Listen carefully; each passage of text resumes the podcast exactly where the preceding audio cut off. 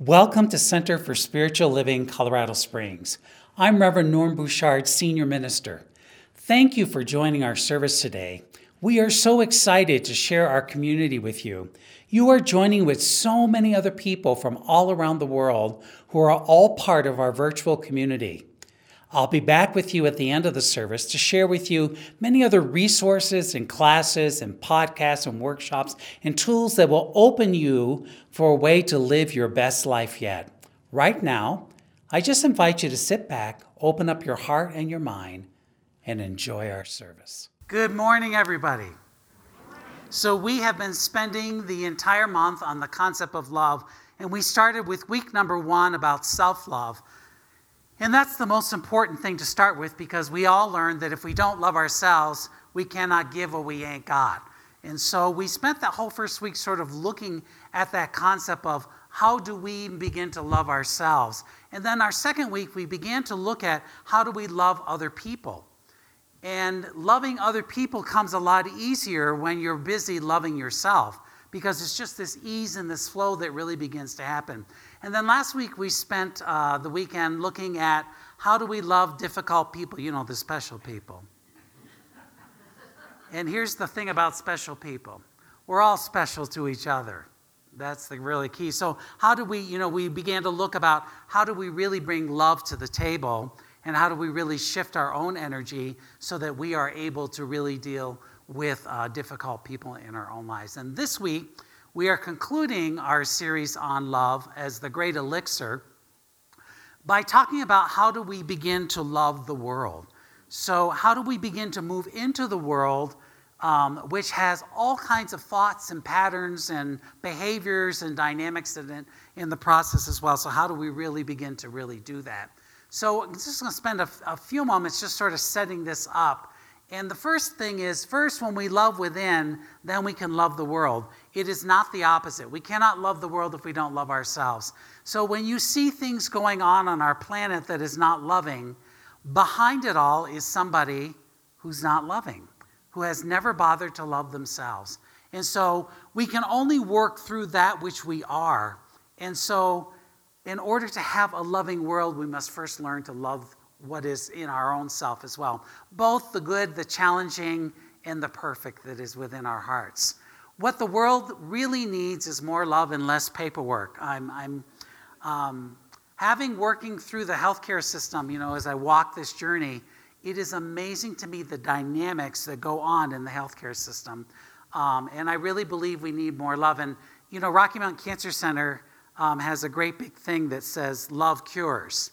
Uh, it's a great big sign when you walk in, and there's little signs of it all over the place, which I really love. I was really taken by it the very first time I walked in the place. And then when I dealt with the paperwork and dealt with all the crap, I thought, well, how's this love healing? You know, how's this really the dynamic in the process? Love doesn't make the world go round. Actually, love is what makes the ride worthwhile. That really is what makes the world come to really come together in the process. So, loving people um, living in a loving world. So, people who love naturally live in a loving world, and hostile people live in a hostile world. Now, it's the same world. Wayne Dyer says, you know, it's the, it's the exact same world, so it really depends on what you're projecting and the energy field that you are really holding, which activates the law of attraction. And spirit just gives us that which we are vibrating at. That's how the universe works. That's how spirit works in our own lives. How wonderful it is that nobody needs to wait a single moment to improve the world. It is such a myth to think that they and them are going to fix it.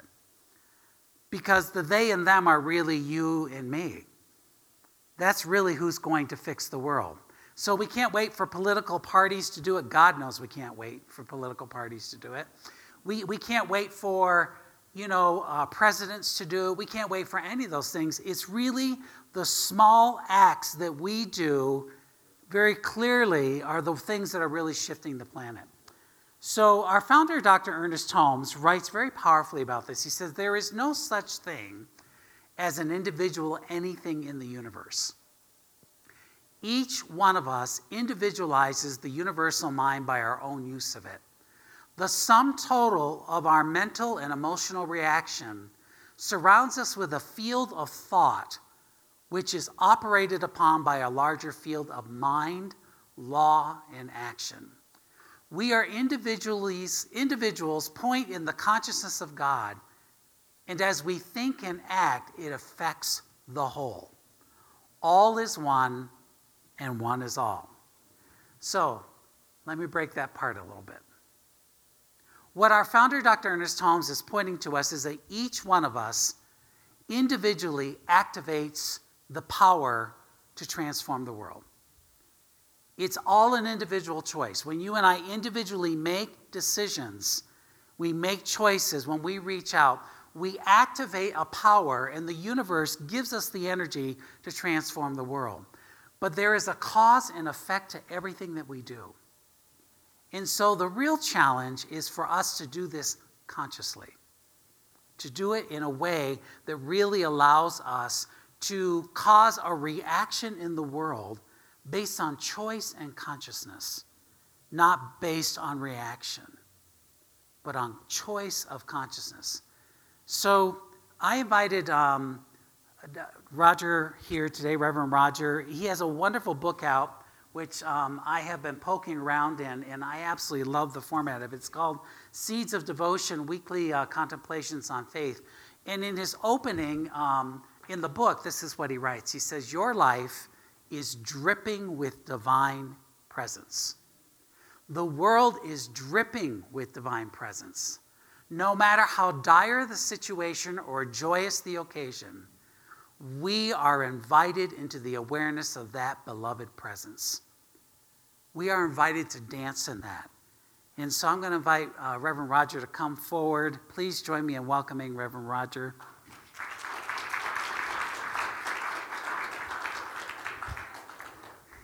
You can take your mask off now, yeah. Behave yourself. I have to tell you the first time I, you, don't, you probably don't remember the first time you met me, but I remember it. Um, so I was at, at Penrose. So uh, Reverend Roger is a chaplain at Penrose Hospital, which is the hospital where I had uh, my surgery where they removed the tumor for the first time. Yes. And um, you walked in not knowing that I was a minister. Oh, yeah, that's right. I, I, do remember this. Do you remember this? yes. So he walks in and goes, Hi, I'm Reverend Roger. Would you, would you like a little prayer? And I said, Yes, I would. And so he does this beautiful prayer, throws in a little bit of Jesus, throws in a little bit of all kinds of stuff. And so that's my that's my dude. That's my dude. that's my dude. and then at the end, uh, we talked a little bit about. He said, "What?" He asked the famous question, "What do you do for a living?" And I said, "I'm doing what you're doing. I love I'm it. a minister." So it was really, really beautiful. But that was the first time I, I had really met you. Yes. Uh, was in that. Did I say I, I, I, should have had you pray? Did I did I say that? No, no, no I was in no shape to pray. I Oh, remember okay. that. I was still on high on drugs, whatever that was that they were giving me. Um, but I- but I remember your presence. Mm. And then we kept running into each other Yes. um, all over the place. Yes. And um, so I, I have really been um, waiting to bring him here for a while. I just have been- had this attraction to your teaching and what you're like and your presence, and Thank then you. got to know you a little bit through Citizens Project, and then we got Yes. to know each other through uh, sponsoring the film with um, Howard Thurman. Howard Thurman, Yes. and that's where I really, really got to know you. So I want to welcome you here Thank today. you. Thank you. I think it's really a simply Wonderful to be here. good to have Look, can I just say something before we move on? Um, Absolutely. Well, I am a little, you know, I, I do want to start with saying I'm not too sore about this, but I used to think that I was the funniest minister in town before I met Norm. Um, so I don't want to make too much of that. But um, the other thing I want to say before we even begin is, is um, you know, I've been in a lot of different kinds of faith communities, centers, churches, temples, and um, mosques. And you can tell so much about a community and what it values by its music. And your music was so beautiful this morning. And it just, like, if you never had a sermon, the music would be fine. I shouldn't say that out No, loud. you shouldn't. But, um, but I wanted to just, And now don't be throwing in the collection. that's or right. I'll usher you out the door. Yes. But I love that music. Just, just thank you for that music. You bet. So, um, we are in the season of nonviolence, uh, which we uh, focus on every single year. And I think one of the, the critical questions that we need to really ask ourselves is first of all, um, what is social justice? You know, we, we hear that term being thrown around a lot, and I, you, you just have such a bent in the world of social justice and in the ministry that you are doing. So, I was wondering if this morning you could give us a little bit of definition of what social justice is. Yeah, it's just it's this idea that the world that we're making, the world that we're creating by our choices in in public policy, in um, in the way that we organize our communities, needs to be sort of founded on the idea of fairness, equal access, um, and and this idea that there's an inherent worth and dignity in every person, and we can build a beloved community, a beloved community that reflects that and is grounded in that and moves towards that more and more, ever expanding the circle. Wow. And so, you know, it's it's this idea that we all of these choices that we make in community um, there's a higher way there's a better way there's a more loving more beautiful way and um, and that we're just called to live into that now there are some ideas that we can break down further um, around compassion and proximity and answering the call um, that each one of us has to do whatever it is that we can do in our little lane. Um, we can talk about that. But Howard Thurman says, um, do what you love, notice what the world needs, and in that intersection, you know, you'll come to life. The world needs more of that. Um, so. I just found out recently, uh, actually this well, past week, because I was in a conference um, most of the week with, um, or the previous week, um, with with all the different our churches from all around the world, yes. our centers from all around, and found out that um, Howard actually was friends with Ernest Holmes. Oh, I have no doubt. Um, so they were, and they were alive around the same time. they were the, swimming in the same. They were stream. swimming in the same pond. They yeah, really were swimming sure. in that same pond as well. The the piece that um, I was struck by what you just said is the our world of influence is mm-hmm. really important for us to pay attention to. You know, I think oftentimes the problems look so large that we think that how can we cause an effect? And so when you when you think about the world of influence and the pond that you are in, yeah. um, what are some what are some basic things that you can do right. that, that cause a ripple? Right. Well, Howard Thurman, I mean, I, I don't want to focus on Howard Thurman too much, but he, he is a great example. He was like the pastor to the civil rights movement. And he didn't go out and march, he didn't go out and do all that stuff. That was for other people to do. But he wrote books about the love that is underneath this whole enterprise. And then he would do stuff like I don't know if you remember this from the movie or not, but he would like he and Dr. King would um, sit together on Sunday afternoons and watch um, Jackie Robinson play baseball and and shoot the crap with each other, you know, and um, and just be together. That was what he could do. He could write, he could be the pastor, and he could just support in a loving way. Some people um, live in a monastery and just pray all day for peace and love and justice and kindness um, and that's what they've been called to do. So, whatever our call is, whatever our gifts are, you know, we can write postcards, um, we can show up, we can, we, you know, um, I have a, a chapter in the book about Henri Nouwen, who was having this beautiful life. He was going to be a priest. He was just comfortable as could be. He was smart as he could be. And um, he was in the Menninger Clinic in Kansas or somewhere. Mm-hmm. And all of a sudden, he hears the call from Dr. King clergy need to come down to Selma. And he's like, uh, There's so many reasons I'm not going to go down to Selma. I can't even start. And, um, but then he was like, I got to go down to Selma. And he did. What's, what's important about that when he reflects on it, one, he picks up a stranger who's also trying to get to Selma. And that stranger starts telling him these stories about what it is to be a black man in Mississippi at that time. And he's like, oh my goodness. And Nouwen, who is Dutch, says, he was turning me into a black man. That proximity, that relationship is so, so important. And then Nouwen gets down there, and Charlie gets down there, his friend, his new friend. And um, they were like, mostly it was chaotic, but everybody was fed. There was always food, right? So Dr. King, you know, is out there speaking, and all these clergy are out there, John Lewis and every, all the other clergy are out there marching. But there's also somebody making the, the soup and baking the bread. We'll never know their names, or like most likely will not know their names. Um, but they were always fed. They were always fed. So whether you're making the bread, or marching, or singing, or orating, your call can either bless the world or curse the world. And your choice is to bless the world. Uh, I, have a, I have a good friend who is doing some work around racial justice and literature in District 2, you know, Harrison.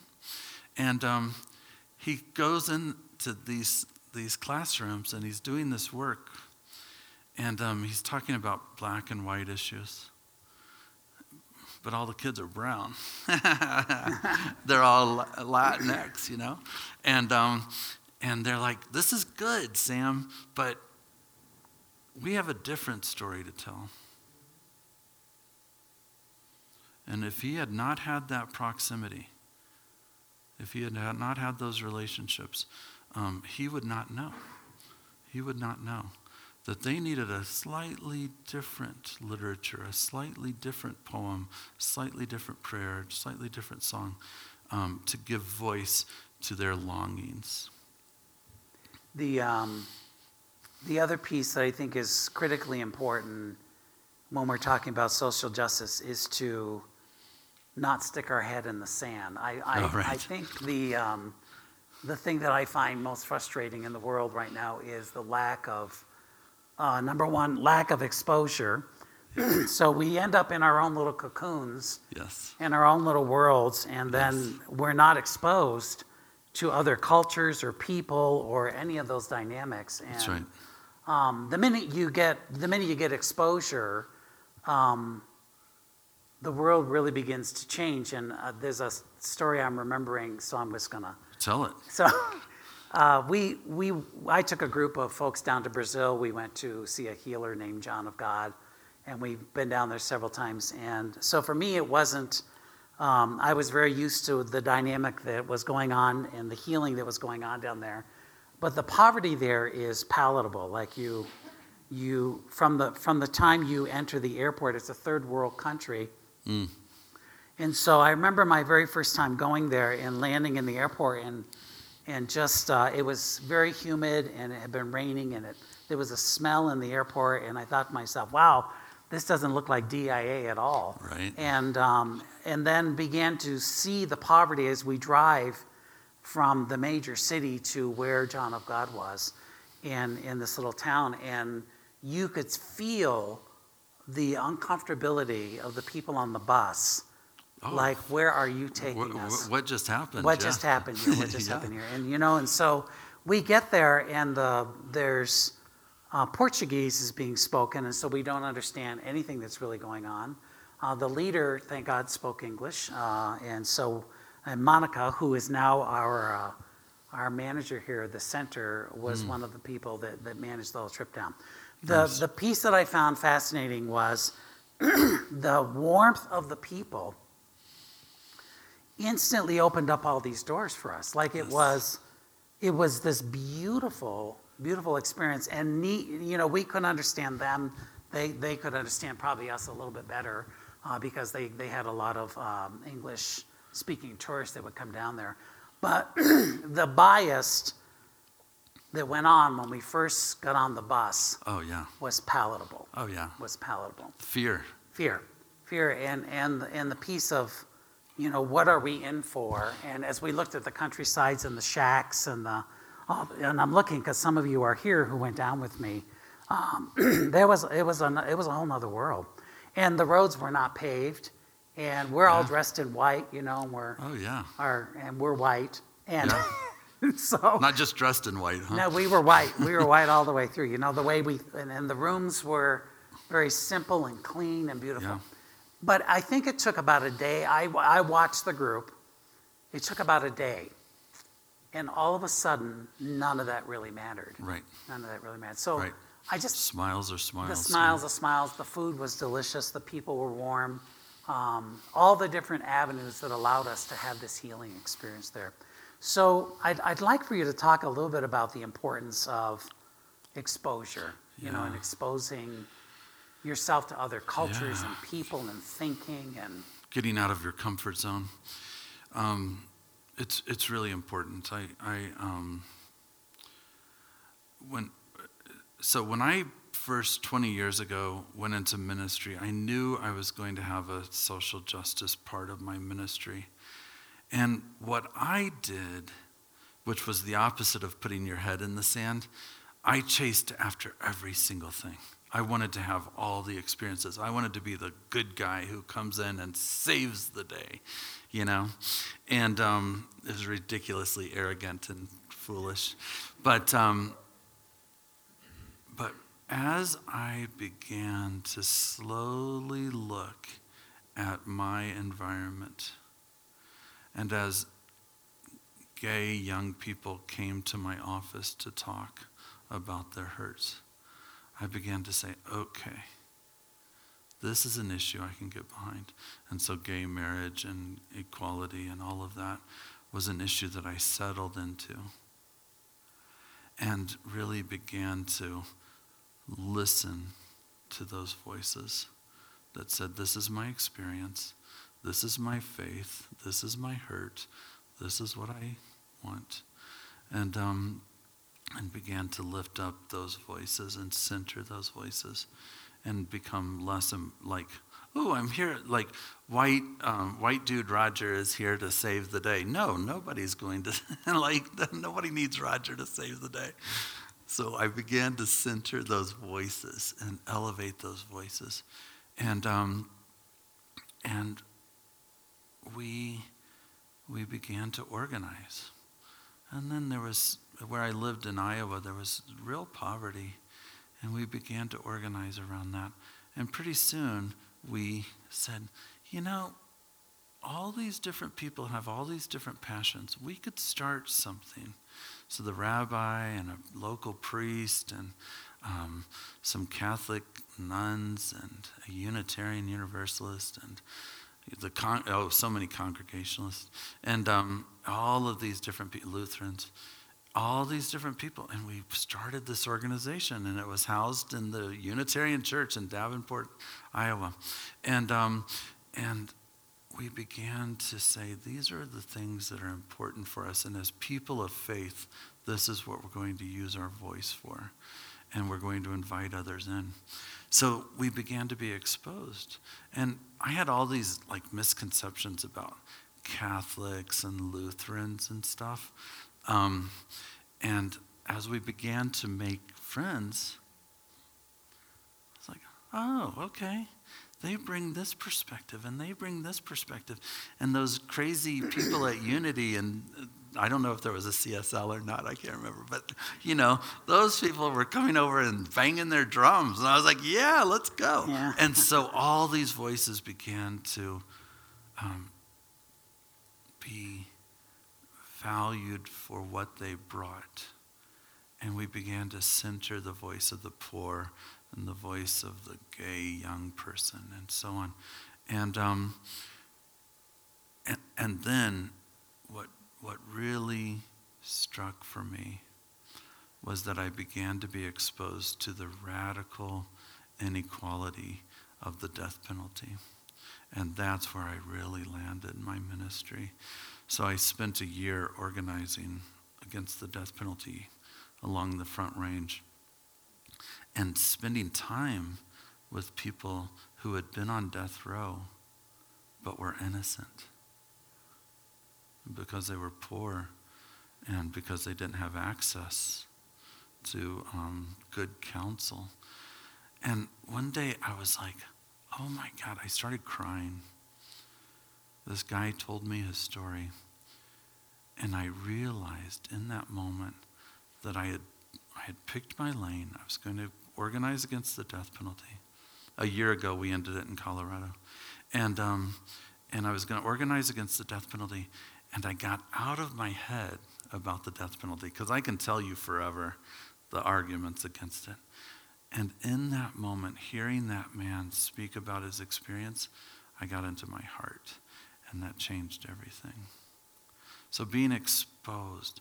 Emmanuel Levinas, whose whole family died in the Holocaust, Emmanuel Levinas was a Jewish French philosopher.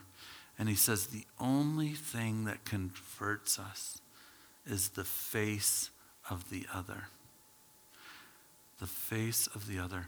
And in that moment, when we encounter the face of the other, which is a revelation of God, he says, and we come, we come humbled before that face. The face of the other says to us before we can put any labels on it, anything else, before we can give any language to it, it says, Thou shalt not kill it invites us as a revelation of God into nonviolence and into peace and into an encounter with the holy divine presence. Well, that was a little sermon. I'm sorry about yeah, that, Norm. You, it was beautiful. It was just amazing. Um, I, I was, um, you know, being exposed, exposing yourself to other cultures and people and dynamics. Um, you know, when I had, I was Catholic priest for 10 years, and then that was definitely a part of my ministry was uh, Catholics do oh, man. a tremendous job with uh, serving the poor. And, oh, oh. Uh, and we, we you know, I want to be Catholic so badly, but I can't deal no, with bishops. No, you I, really know, don't. I know. oh, you want to take what's good. You want to take what's good it. from the Catholics. and, that, and that's what I did. You know, when I left, was able to just sort of sift through what it was that um, that was so beautiful about, mm-hmm. about that piece. But yes. you know, here I am. We're we're you know we're doing so much on justice uh, in Catholicism, and yet here I was, a gay man mm-hmm. and priest who had not owned my own sexuality, living. And, and living in an organization that was hateful to me. Yes. So the, the disconnect yes. the disconnect was uh, awful for me, and it was one of the reasons uh, that I had left the priesthood was I just felt so out of integrity. Yes. In not personally out of integrity, but just out of integrity with the teachings, you know, and, and, and being able to to Be do that. And then I go into corporate America, and I think I, you know, I'm so good. I'm done with that. I don't need to worry about that. And I'm starting to come out as a gay man and doing all those pieces. And then I then I begin to encounter it in corporate America. You know, so I'm, oh, yeah. I'm vice president of this company, and I'm all over the country, and I'm, you know, and the goddess has her ways. Oh huh? Oh my God. It was just she, in my face. And, she's never done with me. And you. what I did was hid behind my corporate suit, of course. I just thought it's none of their business what I do. And, and then I had this experience. I will never forget it. I know exactly who this gentleman is. And he said to me, Does your wife mind you doing all of this traveling? And I was so terrified to answer him. And here's what I said yeah, let's hear it. He doesn't mind at all. and, um, and the guy stood back. He just sort of like stood back and he, he didn't know what to say. And I, it was the very first time publicly I had done something like that where I actually had owned who, yes. who I was into the piece. So uh, anyway, he happened to be at the time, he's no longer, he's retired now, but he was the president of Farmers Insurance. Oh. Um, and a, a wonderful, wonderful man. I got to know him later on that was the very first day he asked me that, and our training was three and a half days with an exam at the end. And he, the next day, he came over and he apologized to me, and he said. "I'm really sorry um, that I reacted the way I did." He said, "I had no idea." And I thought, wow, I didn't think I pulled off straight very well, yeah, but well, I really did. And I really pulled it off. And but here's, here's how the story, here, here's, why the, here's why exposure and honesty yes. is so important. Yes. His son mm. was gay. Yes. And he didn't have the freedom in the world that he lived in, the financial world that he lived in. at the time, this was back, you know, in the 90s, um, didn't have the freedom to do that. And he said to me, I so admired your courage Yep. To be able to say what I thought. And I looked at him and I said, that was not courage, it was sheer terror. And it Oh. was, it was sheer terror at the time. Now Yes. it wouldn't bother me a bad, it wouldn't bat an eye. Right. But exposure. But there was so much at risk, right? Oh my God, there it was so, huge so much at risk. But the exposure, see, and what, what happens is when you expose um, and, and you begin to encounter, then his world got changed and his son's world got changed. And then, you know, it just, it a causes ripple this ripple. effect. It is this total ripple effect. And it's the song that, you know, Susan was singing today. It's if you're wondering why you're here, um, why did you come here? Why, why were you put on the planet? to, to love on some people. Yeah, to love on some people. I want to talk about your book because your book has some. I, I just love this. The format of this book has this wonderful uh, stories um, and a question uh, that you get to ask yourself, and then a spiritual practice at the end. It's just really, really beautiful. I'd love for you to share some of your favorite. Uh, Well, I, I just want to share one right now. And, um, you know, chaplaincy is um, about encountering the other. Social justice, as you've, as you've said very well, is about encountering the other. Uh, peace is about um, being authentic. You know, Rosa Parks got sick of being in the back of the bus because um, um, she got sick of living a divided life. No more divided life. And the whole world is invited into that honesty and courage that you're talking about. Humility and self awareness are um, crucial ingredients to all of this. And that doesn't, mean humility, I'm not talking about beating yourself up and saying you're a worm and stuff like that. No. I'm talking about like r- reminding yourself that in the face of the other, the face of the other, there is beauty and glory and power and revelation. And self awareness, just like no longer living a divided life, being, being your loving, compassionate soul that you were meant to be and made to be, created to be. Um, so I think there's a lot of intersection between chaplaincy and social justice and peacemaking and loving the world. Um, and so I, I, this is a very chaplain reflection, but I'd like to just read it. It's a prayer.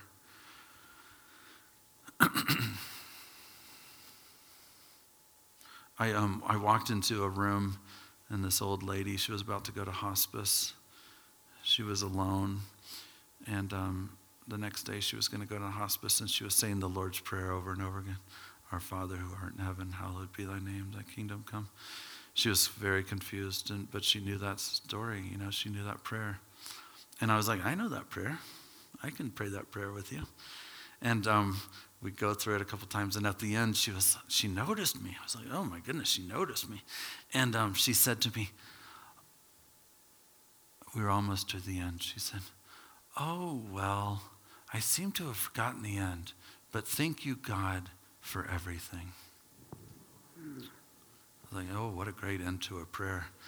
Um, so, this is the prayer that follows that story. First, walk gently. You're entering into the great mystery sorrow, regret, anger, grief, relief. You never know what you'll find. You may as well, well walk into that room, which will likely be dark and quiet. Second, talk gently. The dead dream and the survivors do too. They're in a fog, or out to sea, or in the deep woods. Pick your image, but talk gently. That mystery will one day be you and yours. Third, act gently. Your gentleness will invite whatever needs to happen to happen. If at all possible, make it so the wife, husband, mother, child hardly knows you're there. Listen gently. Listen with your eyes and your ears, but mostly with your heart. The stories will come. Be there to hear them. Stories remind the wife that she is still alive and is alone and not alone all at once.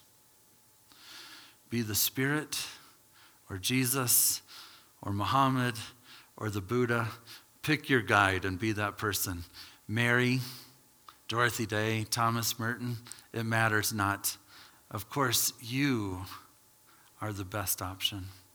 So be you in all your quirky, unexpected, beautiful, flawed, perfect essence.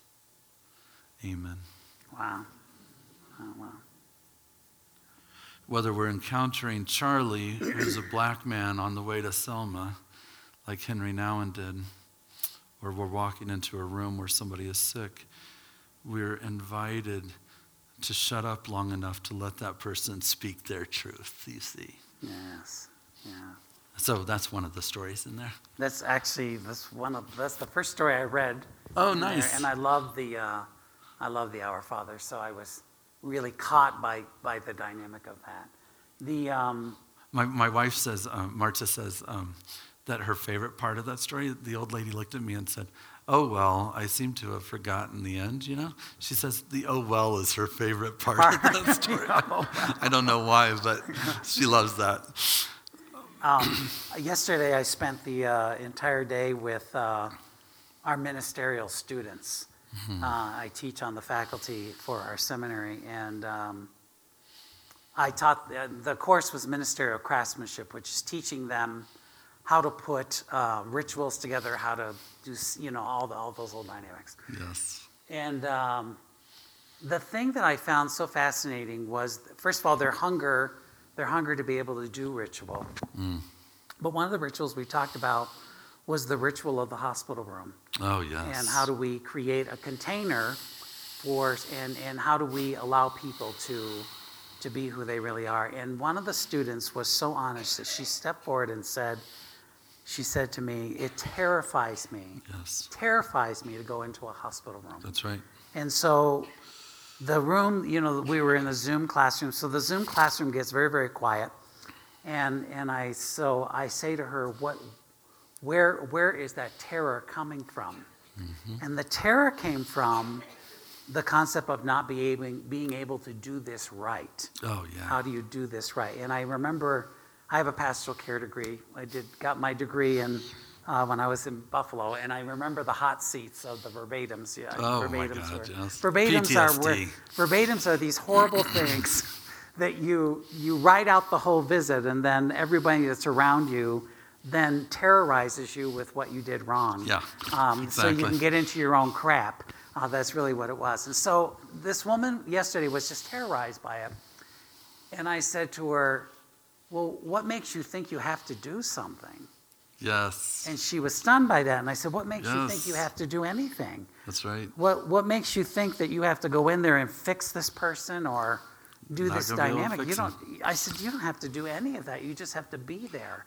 And I said, and, and then she right. begins to cry on, in the class. It's not. then- It's, only chaplaincy if somebody's crying. Oh yeah, it's just not. so we're watch, so I'm watching her cry yesterday, and and this is on break. She's uh, she said, "Can I do this with you on break?" And I said, "Yeah," because she was mortified that we were doing it in the class, and I hadn't asked her permission, and I should have. But uh, so we do it on we're doing it on break, and she says to me, I said to her, "Have you not?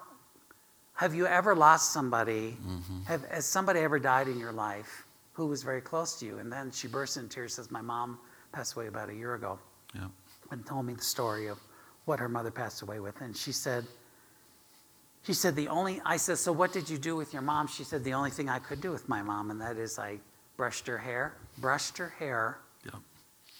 I brushed her hair and held her hand. A love language. Oh my God. Yeah. I, then I was like, Then everybody else is crying. everyone of course. crying. Yes. So, so I think that in social justice, Yes. there is a part of this that is about being present. It's just, just it's presence. being presence. And, You know, and and getting your- listening with your heart. and getting yourself out of the way. You know, just getting really yourself out of the way and not centering yourself, not chasing after everything, just doing what you can do and being okay with that. You know, some of us are are are organizers and some of us are not organized at all, but can, you know, make coffee. We're just all uh, different gifts. You know, the important thing about chaplaincy and um, I think social justice work or being a good friend or being a good partner in a relationship or whatever it is, is, um, is that here, here's, my, here's my three C's for chaplaincy, okay? Um, uh, curiosity. You got to be curious. You got to stay open in your heart and your mind and your ears, and your mouth has to stay shut. You know, quiet coyote. And um, you know, quiet coyote, right? No. Mouth shut, ears open, baby. Look at that. Um, Everybody shut, do that. Open. Yeah. Because then you'll remember it when you go home today and you're about to open your mouth when you shouldn't. Yeah, right, exactly. Um, and um, uh, curiosity, stay curious, stay curious. Um, courage, you know, enter into the relationship. That's the, that's the important thing. And, um, and then compassion, just lead from compassion, lead from compassion. Those are my three C's for chaplaincy, social justice, life. You know, the important thing, though, is the practice. You know, tie this up to one of your practices. This is the last one I'll read, okay? Is that good? This, you're doing great. Is that good? Um, so, this is another little prayer. I like the prayers the best, I got to be honest. Listen. Be quiet. Be still. Be gentle. Relax your jaw. Loosen your shoulders. Listen. Be gentle. Be still. Be quiet. Let the silence and the stillness make sacred the place you're in right now. Look at the light or the table or the cloud or the moon or the sun or the wind wild through the wild trees. They too are a sacred text. Listen, be still, be gentle, be quiet. The world does not need your words. Let your mind crawl into your heart space and let it take a nap for a little while. right? oh my God, how many times my mind needed to take a, take nap, a nap, when it wouldn't? Um, there's nothing to think, there's nothing to know. Surrender to the silence. Let a still quiet gently keep you just for a while.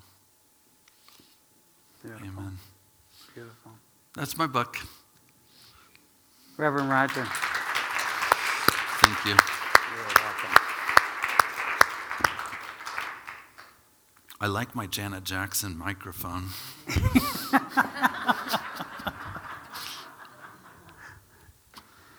so, Reverend Rogers' uh, book is available here uh, as you make your exit today.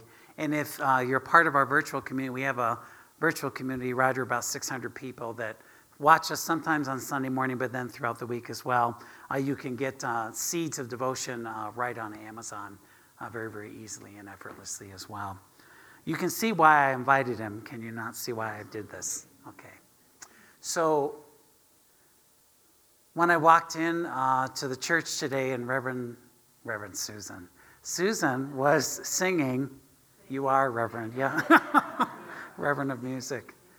When, she, when I was hearing the refrain, my eyes kept welling up that, that, that if you wonder what it is, it's really what Roger just said, and that is, you know, you need to be still. And, and you, you can always go back to love. It's, you can always just go back to love. You know, uh, Mother Teresa said, Go out to the world today and love the people you meet. Let your presence light your present light, new light in the hearts of people. All you have to do is really, you just have to move to love because love really is where the quietness is and people can feel it. People can feel your love and they can feel your openness uh, in the process. And when they do, they are naturally attracted to you and they want to talk to you. Uh, ask my husband, I'll tell this story. Uh, so, I, I have this tendency in public places, like when I'm in Denver on the train or any of those places, if I have people that will come to me who will tell me their life story. And so they, they just do it. They just come and they sit, and oftentimes they're street people. Sometimes they reek of alcohol, and sometimes. So Scott always has a, he, he protects me because you know oftentimes as a minister you're i'm in denver because i'm there to take care of my soul and refresh myself but he'll say don't look up. Don't look up. I'm sure your wife does the same. Love is something sent from heaven to worry the hell out of you. That's probably my most favorite line today. It's from dolly parton. You know, just that, that, that, we're, yeah, we're here. We're here to just really do this love piece. Love doesn't make the world go round, love is what makes the ride worthwhile. So, our founder, Dr. Ernest Holmes, says there is no wall of separation, there is no barrier, there is no place where one begins and the other leaves off. All is one and one is all. Your creative activity of thought goes out to the universe and affects it all why not let it be love? Pray with me.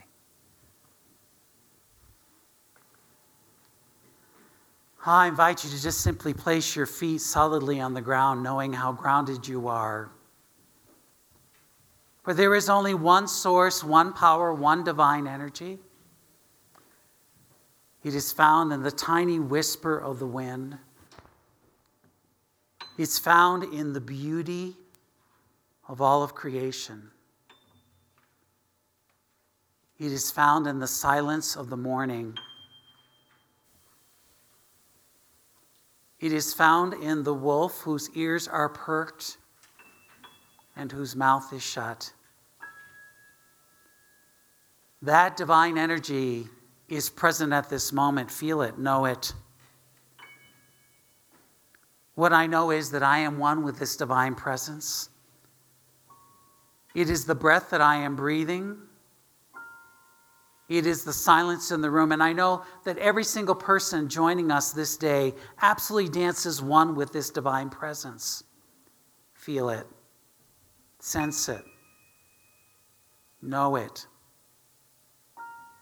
Place your hand on your heart and feel the beat of the divine.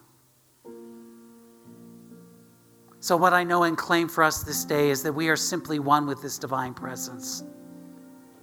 And so we go forth this day being the presence, being the change we want to see in the world. What I know and claim for us this day is that we have the opportunity to shift the world and we say yes to it. We say yes by our very presence by the very wisdom of what Reverend Roger talked about today, whether it is making the coffee, organizing a march, being present to someone who is hurting, walking into a hospital room, simply holding a hand, love is the answer. I claim and know that for our world, uh, our world, our world that so needs our arms to wrap around it this day that there is no separation, that there is no fear. There is no boundaries that we set with each other. There is simply a powerful presence, that divine gift, that God presence that we call love. And that is what we bring to the world today. As we leave this space, we bring that love in the parking lot. As we get on I 25, we bring it. As we enter our homes today, we bring this presence within us. Oh, I stand in such gratitude that we have been given the gift of choice to create the world of love or to create disaster. Thank you, Spirit, that you have given it into our hands. This day we choose love, we choose peace, we choose silence, we choose tenderness. And so I simply release this prayer unto the universal law that knows only to take our thoughts, our feelings, our actions, and allows them to manifest. What a joy it is to be able to be in a place of power and choice. So I simply release this prayer knowing it is already accomplished, knowing it is already done. And as we sing this affirmation today, we pay particular importance to the words We are the place where God lives, moves, and has its being. we are the place where God shows up. And so, with one voice, we sing and affirm together I am the place where God lives, moves and breathes and has its being. I am the place where God shows up. I am the place where God lives, moves and breathes and has its being. I am the place where God shows up. I am the place where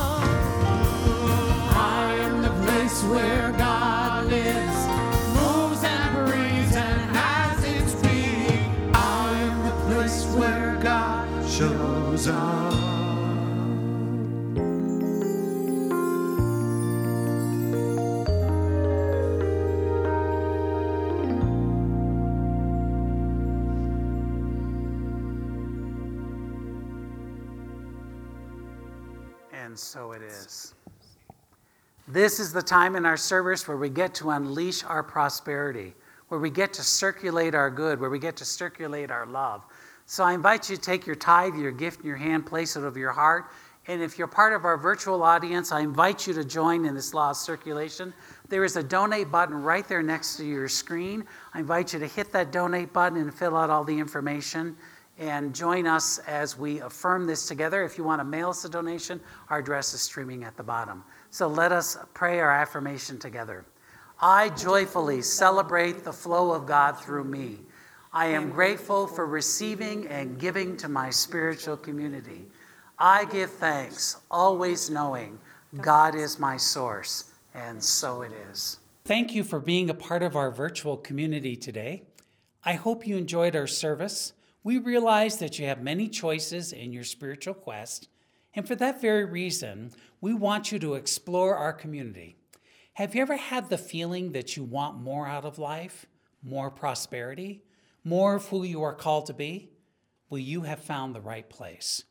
We at Center for Spiritual Living Colorado Springs teach a powerful set of spiritual principles that have continued to change so many people's lives for the better. Imagine living the changes you want to see in the world without fear or guilt or past experiences. We invite people through classes and podcasts and workshops, services, and personal spiritual development to discover how powerful and prosperous you really are. Our resources are available in person or virtual. Check out our website, and I invite you to engage in all of our resources. Join us in creating your best life yet. I look forward to seeing you again and again.